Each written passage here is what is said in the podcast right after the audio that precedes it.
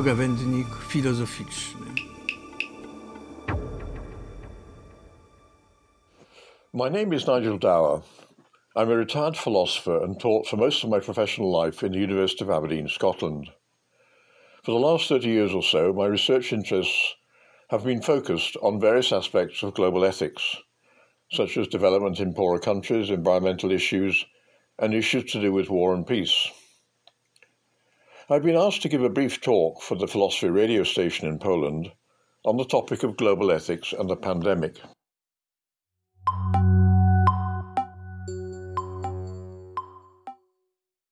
So, from the point of view of global ethics, what can we say about the way countries have been responding to the pandemic? According to global ethics, all human beings matter and matter equally, and all agents, whether they be individual people, corporations, or nation states, have in principle responsibilities towards everyone in the world. In practice, this means that agents, where appropriate, should seek to further the good of others wherever they may be in the world. But more importantly, should refrain from actions which actually harm others anywhere in the world. In normal circumstances, the former might be expressed in supporting charities tackling global poverty, or supporting or working for peace building initiatives. And the latter might involve actions like reducing our carbon emissions as a contribution to reducing harms in the world, and engaging in fair trade as a way of reducing our dependence on unfair trade. In the current circumstances, these are still important, though there may be more limited opportunities for expressing them.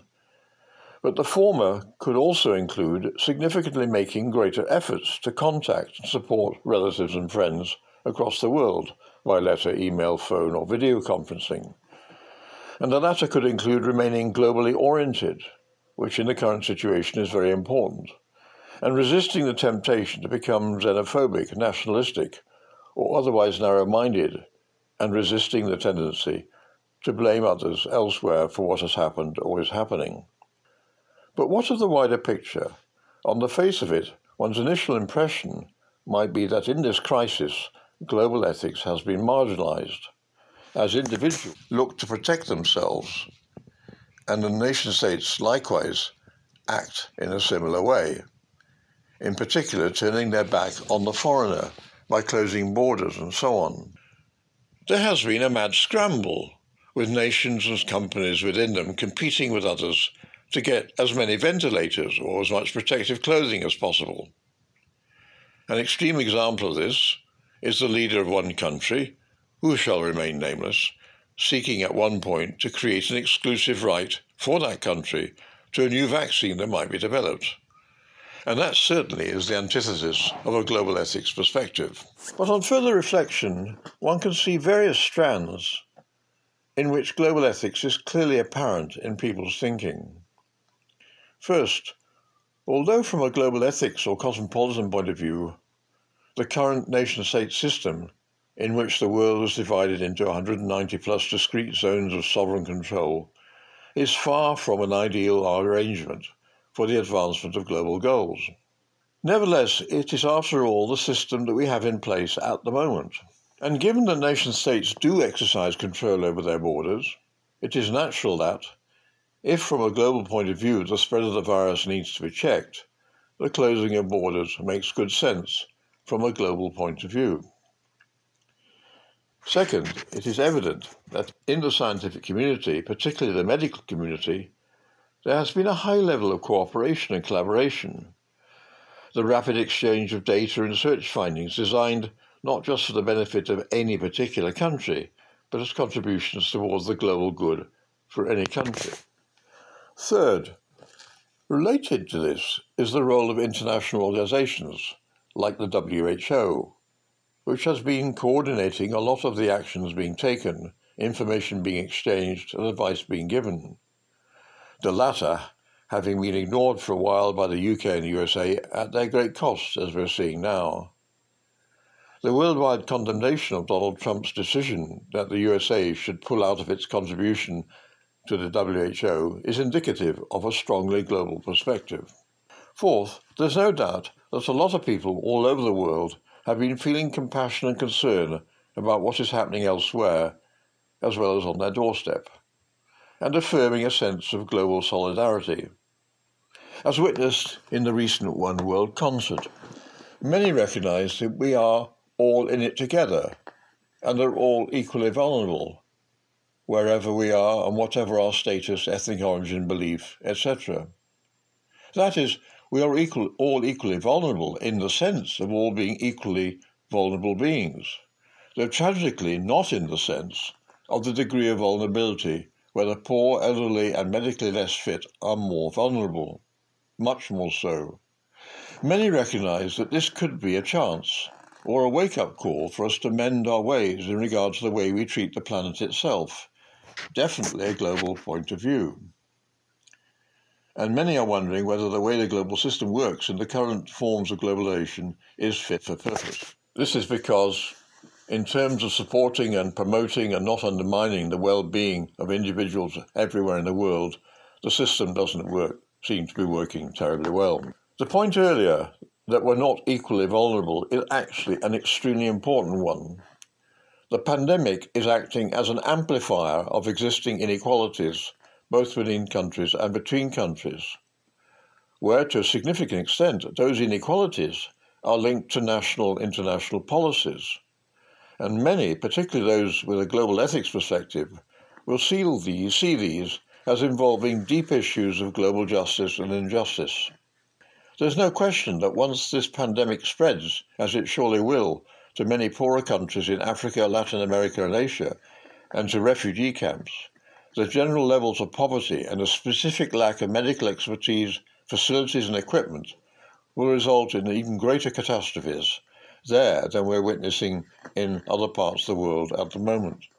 Many people are articulating the thought that once the crisis is over, we can somehow move towards a world which is better than the world preceding it.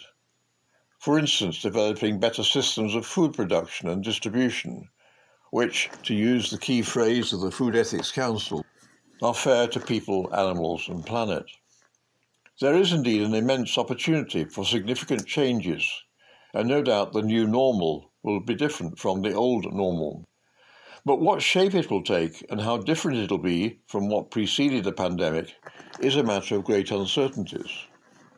It is worth recalling that in 2008, when we had the dramatic economic crash, many people were talking then of the chance to develop radically new economics that had less concentrations of power in big businesses and was significantly lighter in its touch on the planet. But the reality was apart from the banks being subject to some more financial control, it was within the next few months a return to the normal. The real worry is that in these uncertain times, the large corporations will in fact consolidate their power, and we may find governments reluctant to give up the authoritarian powers that they had been assumed or granted to deal with the current crisis, at least as much as they should. So if there is ahead of us a real battle for those of us who believe there may be a chance to develop new ways of doing things that reflect the values of global ethics. Curiously, the battle will not be primarily between those who accept global ethics and those who reject or marginalize it. Though there will always be those in power, whether in governments or big, business, big corporations, who will tend to be committed to promoting their sectional interests as opposed to the global interest. However, the battle will really be between very different visions of what global ethics is really about. For those who are enthusiastic about economic globalization and the role of large corporations within it, the spread of liberal markets is seen as tending to the global good, indeed, as being a major part of the global good itself. But for those of us concerned with caring for nature and real sustainability and about social justice, including global social justice, in terms of developing systems that provide relatively equal access to goods and the sources of self respect and dignity for all people, what happens in the name of economic globalization is precisely a major part of the problem. To end on a slightly more cheerful note, I think that one thing that may well be different in the future, which would be a good thing, is a greater return to the local. both as a source of food and goods and as a basis of real community. Both of these things have come into their own in this crisis, and it's worth making the point that a greater emphasis on the local is not the antithesis of global ethics. Far from it. It's rather the recognition that from a global point of view, much more should be done at local levels or regional levels than is done now. This message, which is good for many reasons, but of course is particularly important as a contribution to our lightening our touch on the earth and our making better responses to climate change, will I hope be one positive outcome, amongst others, of the pandemic.